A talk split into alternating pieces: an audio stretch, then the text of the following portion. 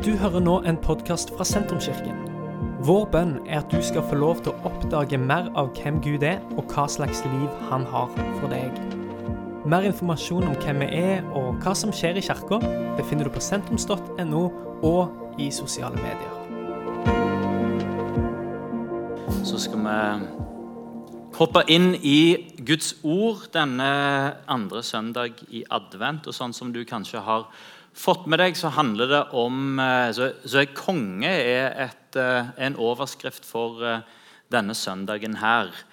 Og jeg har lyst å snakke om en annerledes konge. Og vi skal få opp en tekst her fra Lukasevangeliet, fra juleevangeliet, eller fortsettelsen av juleevangeliet, det som skjer etter det som vi leser på, på julaften.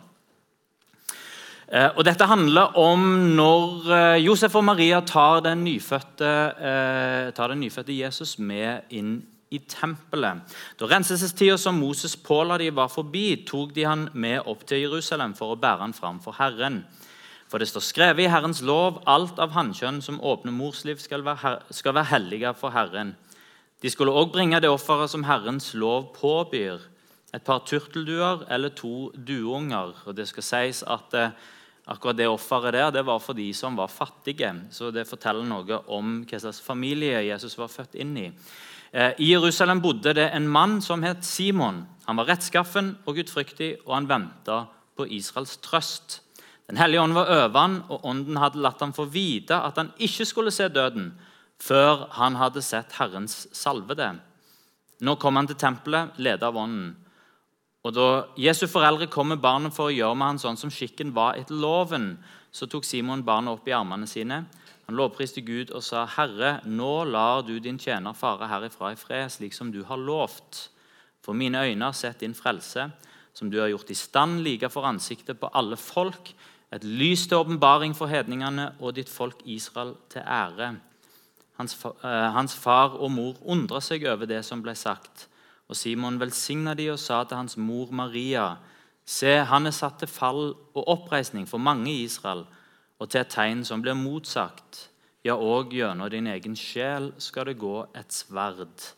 Slik skal de tankene mange bærer i hjertet, komme for dagen. La oss be ei korte bønn. Takk, Herre, for at du er til stede her. Takk at du er til stede i ditt ord. Vi ber om at du ved din ånd åpenbarer og viser oss ditt ord, og at det kan treffe òg våre hjerter i dag. I Jesu navn. Først så har jeg lyst til å peke på den forventningen som ligger i dette avsnittet. her. Eh, og Det er egentlig ganske mange ting som vi leser her, som vi kanskje brøsjer sånn raskt over. Eh, og kanskje ikke helt får med oss betydningen av det. Det er snakk om Israels trøst her, det er snakk om Herrens salvede, det er snakk om Herrens frelse, som skulle bli åpenbares for alle eh, foran øynene på alle folk. Eh, eh is, ditt folk Israel til ære, for til hedning altså, Det er mye ord som vi kanskje bare eh, lar gå eh, sånn forbi. Og så tror vi at vi forstår, eh, og sannsynligvis vi kanskje, forstår vi kanskje ikke noe av dette eh, eh, betyr. Men så er det noen ting som ligger her, som jeg har lyst til å begynne med. I den tida når Jesus ble født, så er det en enorm forventning. Hvis du har sett Mel Gibson sin, sin, sin film om korsfestelsen og om påskedøgnet, om langfredag, så begynner den med, eh, med 'In a time of expectation', i en tid av forventning. Hva var den forventningen som lå i folket? Eh, hvis vi går tilbake noen, eh, noen hundre år, så er israelsfolket bortført til Babylon. Det er en hel generasjon som vokser opp i eksil, langt vekke fra hjemlandet sitt. Så gir kong Kyrios han gir startsignalet for at for at israelsfolket kan dra tilbake igjen til Jerusalem, til Judea. De kan gjenoppbygge tempelet og de kan gjenoppbygge eh, byen. Eh, og så I de neste generasjonene så kommer israelsfolket tilbake igjen til landet sitt i puljer. og De gjenoppbygger Jerusalem, eh, og de gjenoppbygger tempelet, og de gjeninntar eh, landet. Men det er ingen gullalder som venter på andre sida av denne tilbakekomsten. For eh, det er masse tumulter som skjer på verdensscenen. Eh, og det ene verdensriket blir erstatta av det neste. Eh, og vi kjenner jo til navnene på noen av disse. Alexander den store. Eh, han, han, feier over hele den da kjente verden og tar det ene Han er jo bare noen 20 år eh, og kommer med hæren sin og inntar det ene riket etter det andre. Han feier òg over eh, Jerusalem og Judea, og det blir lagt unna Alexander. Etter hans død så tar generalene over styringen av eh, det gigantiske imperiet som, som han har skapt. Eh, og eh, en av etterkommerne av en av disse generalene, Antiokus Epifanes, han blir ekstra forhatt. Han gikk inn i tempelet i Jerusalem og ofra eh, jeg, jeg, jeg, tror historien sier at han ofra en gris i tempelet. Eh, og vanhelliga tempelet på det, på det grøvste.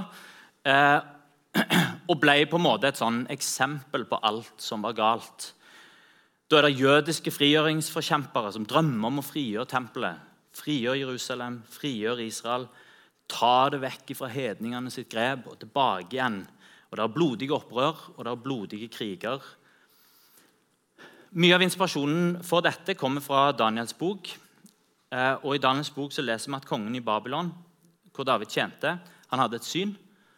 Eh, og dette synet eh, det er en statue der hodet er av gull, og så er bryst og armer av sølv. Og så er Magen og på en måte liv og hoftene det er av bronse. Eh, og så er beina av dels av jern og dels av leire. I dette synet som eh, kongen i Babylon, kongen Nebukadneser, hadde, så løsner det plutselig en liten stein. Denne steinen eh, triller nedover, og den treffer denne statuen med føttene. Og føttene knuser. Og hele statuen knuser og blir til ingenting. Og så ut ifra det som er ingenting, så, og den lille steinen, så vokser det seg opp et svært fjell som til slutt fyller hele verden. Et rart syn. Daniel sier, eh, sier til kong Nebukaneser at du, konge, er hodet gull. Og Kong Nebukaneser var konge for, eh, for eh, det asyriske riket. Så kommer det et nytt rike av sølv. Det var det, eh, det var det, babylonske riket som tok over for det asyriske. Og Så kommer det et nytt rike igjen av bronse. Det var det persiske riket. Eh, nei, var det ikke det jeg sa allerede? Jo, det persiske riket. Eh, og så kommer det et rike som er Du, beklager. Det babylonske, det persiske, så det makedonske. Eh, og så kommer der et rike så sterkt som jern, som knuser alt under seg. Romerriket.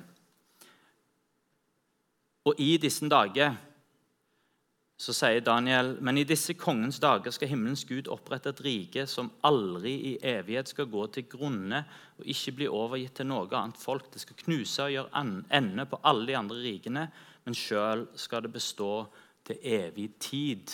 Det sier Daniel til kong Nebukadneser. Det er tydningen på din drøm. Alle disse verdensrikene skal komme etter hverandre. Men i de dagene så planlegger Gud å gjøre noe. Og I hundreåret før Jesu fødsel så brygger det på noe stort i Roma. og Det er bare å lese romersk historie. Fy søren, så, eh, så fascinerende det er. Eh, denne lille bystaten, eller det er ikke en liten bystat, men en, denne svære bystaten, begynner først å legge unna seg eh, folka rundt. Og brer seg og brer seg og brer seg. Eh, og, og på, I tida før Jesus sin fødsel så er det Julius Cæsar som, som, tar keisermakten i det romerske riket. Eh, og òg hele Midtøsten blir lagt under, eh, blir Romerriket. Og igjen så er fortsettelsen av dette at israelsfolket da er, eh, de er under en okkupasjonsmakt. Og deres selvforståelse er fortsatt å være i eksil, være vekke fra det som Gud har kalt dem til å være. Og det er en lengsel. Vi må tilbake igjen til kallet, tilbake igjen til det å være Guds folk, være et lys for nasjonene, akkurat sånn som Gud har lovt oss. Og Dette er forventningen på den tida når Jesus blir født. Gud skal sende en frelser en visste fra Daniel denne lille steinen som kommer, og som skal knuse føttene på denne statuen, som skal knuse disse rikene. Og derifra så skal det vokse seg et svært rike eh, som aldri skal få gå. Og så går han og venter på at Gud skal sende sin frelse. I tida når Jesus ble født, så er det ikke bare Jesus som er en profetstemme. Det dukker opp profeter her og det dukker opp profeter der. Eh, og det er mange av dem. Og en lurer på er dette Messias, er dette frelseren, er dette han som skulle komme. Johannes døperen står fram, det kan vi lese om i, eh, i evangeliene. og Da lurer folk er det du som er den som skal komme. Og Dette er bakteppet til juleevangeliet. Og Når vi leser det koselige juleevangeliet, så er det ikke dumt at vi forstår det som er bakteppet. Det skjer i en tid av forventning. Men så er det dette at kongen kommer der det ikke forventes. Visemennene, når de får beskjed om det er en konge som er født, så, og de følger stjerna, og selvsagt når det begynner å nærme seg, så går de til slottet. De drar til palasset, for selvsagt, hvis det er en konge som er født eh, Hvis vi hører om det, hvor det er en konge som er født i Norge, hvor, hvor drar vi hen? Vi drar til slottet, selvsagt. Selv om de bor vel kanskje ikke der. men Eh, i området rundt Slottet, i disse her eh, slottsboligene. Det er der en finner kongen. Men det er bomtur, og så finner en Jesus en helt annen plass. En finner den venta kongen en helt annen plass. Med ei ugifte jomfru til mor i en fattig familie med svært, svært enkle kår. Ikke, eh, ikke i storbyen engang, men, men i landsbyen. Eh, Jesus ble født på Moi, eh, sånn cirka. Utkanten av der som det skjedde. Altså Ikke engang i et hjem, og dette her har en jo hørt på julepreken etter julepreken, ikke engang i et hjem, eh, hjem men i en stall. Kongen kommer der en ikke forventer. Og Fortsatt så finner du kongen på det samme sted. Hvor finner du kongen hen? Du finner kongen i den videoen fra Evangeliesenteret med det mennesket som har kommet så langt ned at en, jeg, hadde, jeg hadde bare en, noen bager med klær. Der fins kongen. I Isaiah 57 så, så, så, står det Så sier han som er høy og opphøyd, han som troner evig. Den hellige er hans navn. I det høye og hellige bor jeg og hos den som er knust og nedbøyd i ånden. Jeg vil gi ånden liv hos de som er bøyd ned, og gi hjertet liv hos de som er knust. Og dette er storheten i julefortellingen. Når sykdom, ulykke eller tragedie rammer oss, når jeg ikke strekker til, når jeg ikke klarer det sjøl Husk å ikke springe vekk fra Gud når ulykker rammer, når tragedien er der eller når det er sykdom, eller når du ikke strekker til. For i vanskeligheter, i fornedrelser og i utfordringer så er det kanskje akkurat der som du møter ham. Fordi kongen finner du der du ikke forventer. Og I denne teksten som vi leste her, så finner en kongen i et lite barn. Eh, I et lite frø så er det potensial for et tre.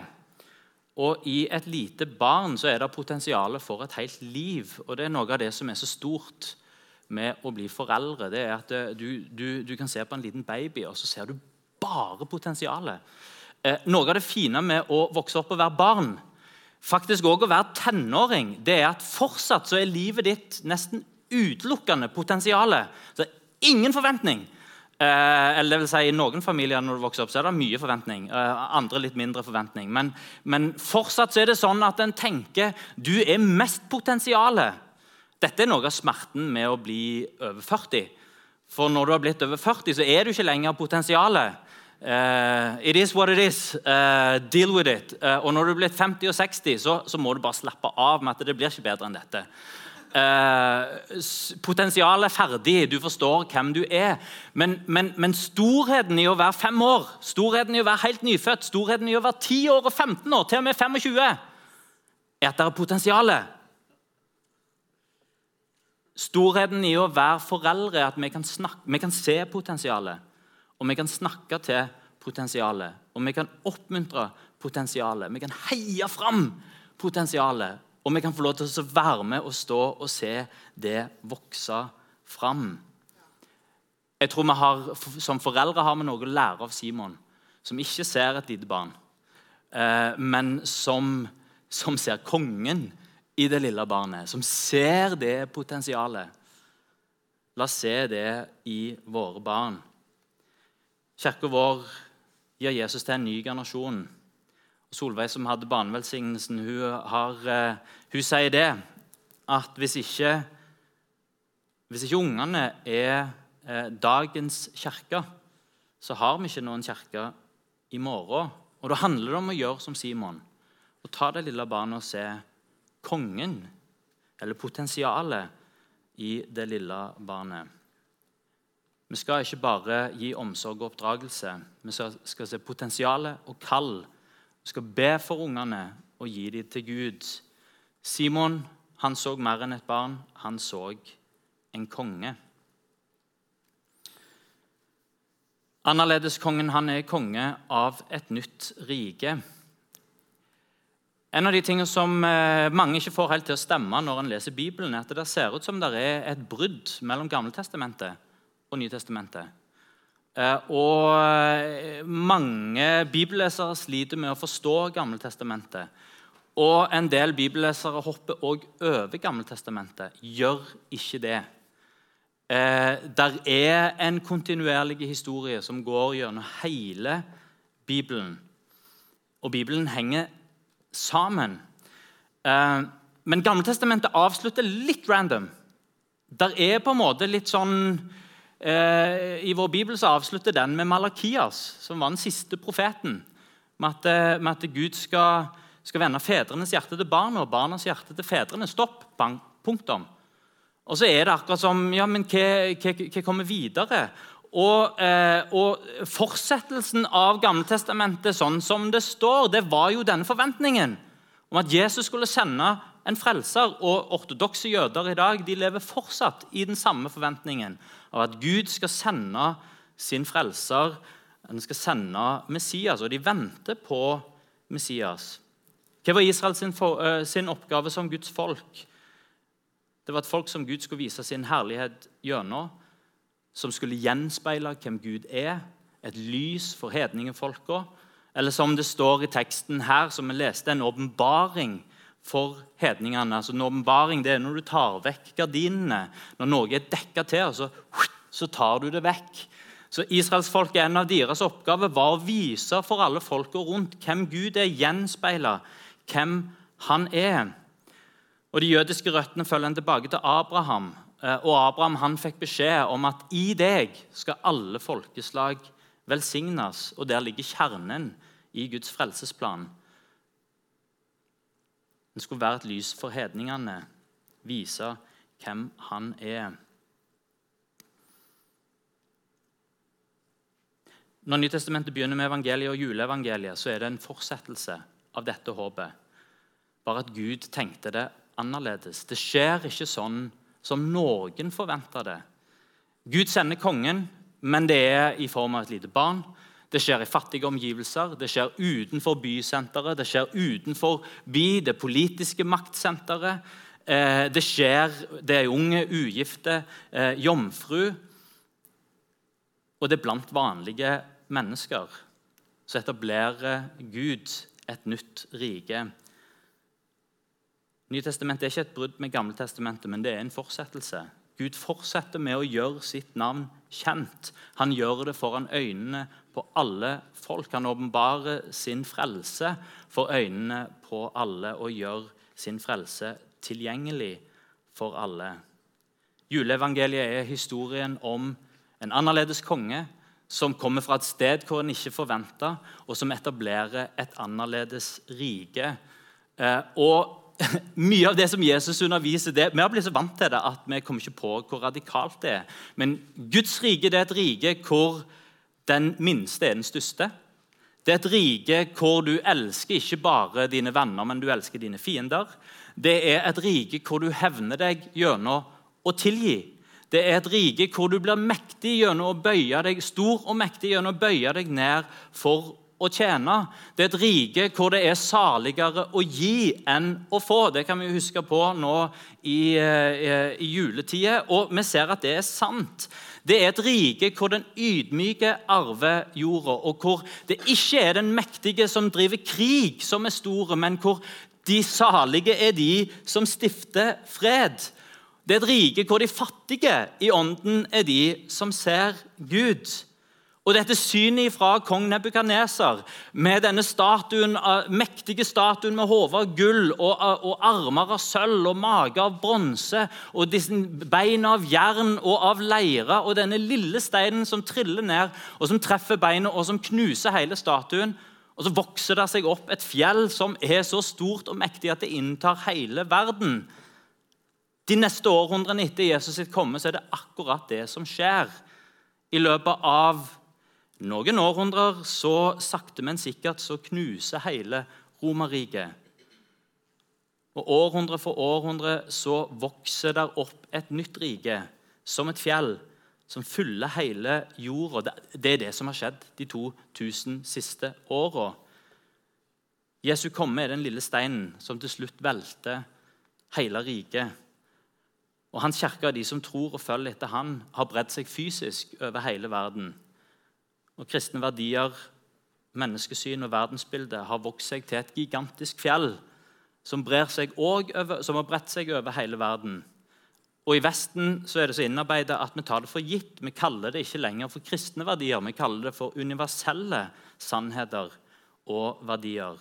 Når Johannes skriver sitt evangelie om Frelseren som skal komme, så sier han det sanne lys som lyser opp hele verden, har nå kommet til jorda.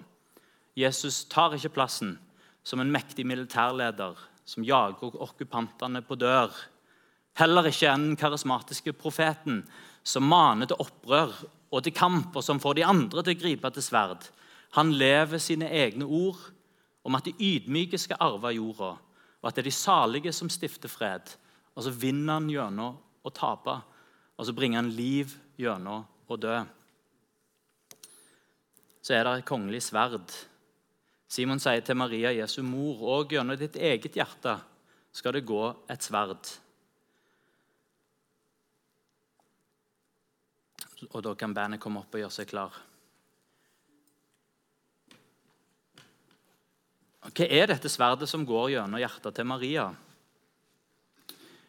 Vi leser Jesus' sin undervisning at salige er de som stifter fred. Og Hele Nytestamentet og hele Jesus' undervisning er fullt av fred. Sier den som griper til sverd, han skal falle ved sverd. Men det er allikevel snakk om sverd og krig og i Jesus' undervisning og i Det nye testamentet, men det er metaforisk. Og sverd brukes om ord, og sverd det brukes om Guds ord. Og Sånn forklarer òg Johannes hvem Jesus er i begynnelsen av sitt evangelium. Han sier i begynnelsen var Ordet. Ordet var hos Gud, og Ordet var Gud. Så leser vi litt lenger nede i Johannes, begynnelsen av Johannes evangeliet at Ordet ble menneske og tok bolig iblant oss. For en fantastisk vakker beskrivelse av inkarnasjonen, at Gud blir menneske. For en vakker beskrivelse av Jesus. Johannes han sier at Jesus han er Gud, og Jesus han er sann menneske. Og Så sier Johannes i sitt evangelie at Jesus han er Ordet. Han er sverdet. Sverdet som det snakkes om, det er hans ord. Sverdet er Jesus sjøl. Eller det er de gode nyhetene om Jesus. Det er ordet om Jesus, og det er ordet fra Jesus. Det er dette som skal gjennombore og, gjennombore òg Maria sitt hjerte. Og Simon han ser dette når han sier, 'Nå kan du la din tjener fare herifra.' 'For mine øyne har sett din frelse, som du har forberedt for alle folk.' Og òg denne frelsen er annerledes enn folk ville tenke. For det er Jesus er kongen som vinner gjennom å tape, som gir liv gjennom sin død, og som gir frelse gjennom sin oppstandelse. Og ved korset så forsvinner nesten alle disiplene. Hvorfor? Fordi ingen Jesus sa det til dem. Menneskesønnen han skal dø og skal, skal stå opp igjen. Nå skal vi gå til Jerusalem. Nå skal dette skje. Han, han, han sa det flere ganger. Og så skjer dette, og så utspeiler påskedramaet seg. Og så forsvinner de den ene etter den andre, for det var jo ikke dette vi så for meg. Det, det, var ikke dette jeg så for meg, det var ikke dette du skulle gjøre. Du skulle jo bringe inn dette nye riket. Så selv om han hadde sagt det igjen og igjen, jeg vinner gjennom å tape, jeg gir liv gjennom å dø, så klarte han allikevel ikke å ta det til hjertet at det var det som skulle skje, for han hadde dette bildet av den mektige lederen, den mektige frelseren, den mektige kongen. Og Når Jesus henger på korset, så er det den mest fornedrende døden. Og vi forstår ikke i dag hvor fornedrende død dette faktisk er. Hvor fæl død det er. Det er en slaves død. Vi sier gjerne en forbryters død, men det, det, det er en slaves død. Det er det som den mektige gjør når en skal vise hvor mektig en er. Vi gjør dette fordi vi kan. Og vi gjør det mot deg fordi du er svak. Det er en måte å sikre at du kommer ikke til å bli huska i historien. Og dette vet disiplene, så de forsvinner den ene etter den andre. En av de som er med Jesus sitt kors, det er mor Maria. Allerede der så ga hun plass i sitt hjerte for Herrens frelse, for Hans ord. Hun dukker også opp som en av de som grunnlegger den første menigheten i Jerusalem.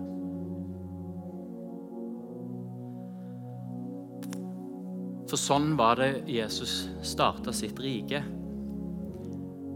Gjennom død på korset og etterpå gjennom oppstandelse. Og så gir han en kongelig invitasjon. Jesus er lyset som lyser opp hele verden. Jesus er Guds frelse foran øynene på alle folk.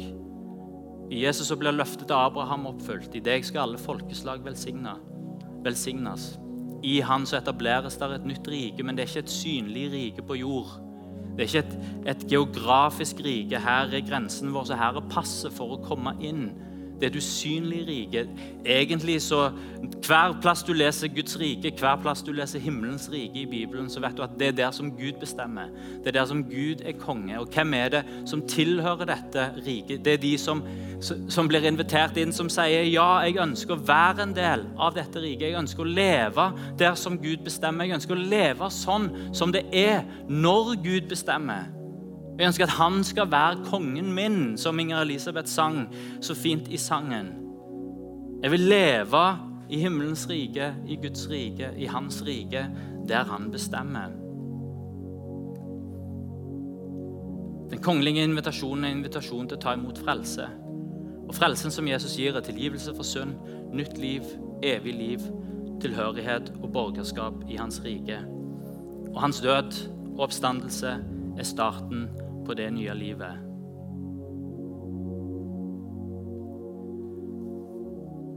Vi tar imot frelsen gjennom tro på hans død og tro på hans oppstandelse. Det er tre ting som skjer, som på mange måter er fundamentet for hele den kristne troen. Først at Jesus eh, ble ikke født med en vanlig fødsel. Men han er inkarnasjonen. Han er Gud som blir menneske. Da må du omfavne et mirakel.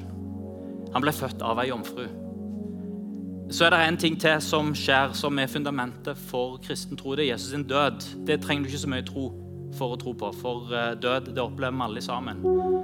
Eh, og Jesus sin død og hans død på korset, og så er det den tredje tingen, og det er hans oppstandelse, som en forstår der har vi igjen et mirakel der Gud griper inn. Og Disse tingene her det kaster lys over alt som står i Bibelen, og kaster lys over hele den kristne troen. Den kongelige invitasjonen handler om å få ta imot frelse og tilgivelse fra synd. Og så er det òg en invitasjon til hans rike. For han står opp som herre, som konge. Hans oppstandelse blir min oppstandelse, hans liv blir mitt liv. Paulus sier det så sterkt som at vi er i Han. Og invitasjonen den gis til oss til å tilhøre det rike der han bestemmer, der han er herre. Og Da ser vi fortsettelsen med Gamle testamentet. Da kan de som tilhører det riket, fortsette å gjenspeile hvem Gud er. Fortsette å være et lys for alle folka rundt. Fortsette å peke på hvordan Gud er. Vær et lys i mørket. La Hans ord få lov til å først treffe mitt hjerte, så få prege mitt liv, så få prege mine nære relasjoner og mitt hjem, så få prege min arbeidsplass og min skole og min verden. Og det betyr ikke noe hvor vi kommer ifra, for kongen han finner vi på de uventa stedene. Og når vi føler oss langt nede, nære, og kanskje spesielt da, så kan vi ta imot kongens invitasjon. Og da skjer akkurat det som vi synger i julesangen, at du er født her inne i hjertets dype rom. Kan vi ta oss og reise oss?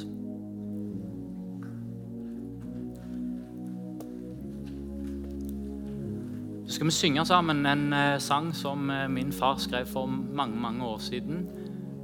Som eh, tar for seg akkurat dette. En annerledes konge. Og det er en bekjennelse i Det er en bekjennelse i den sangen òg. Der jeg kan si 'Jesus, du er min konge'. Bare med å syng.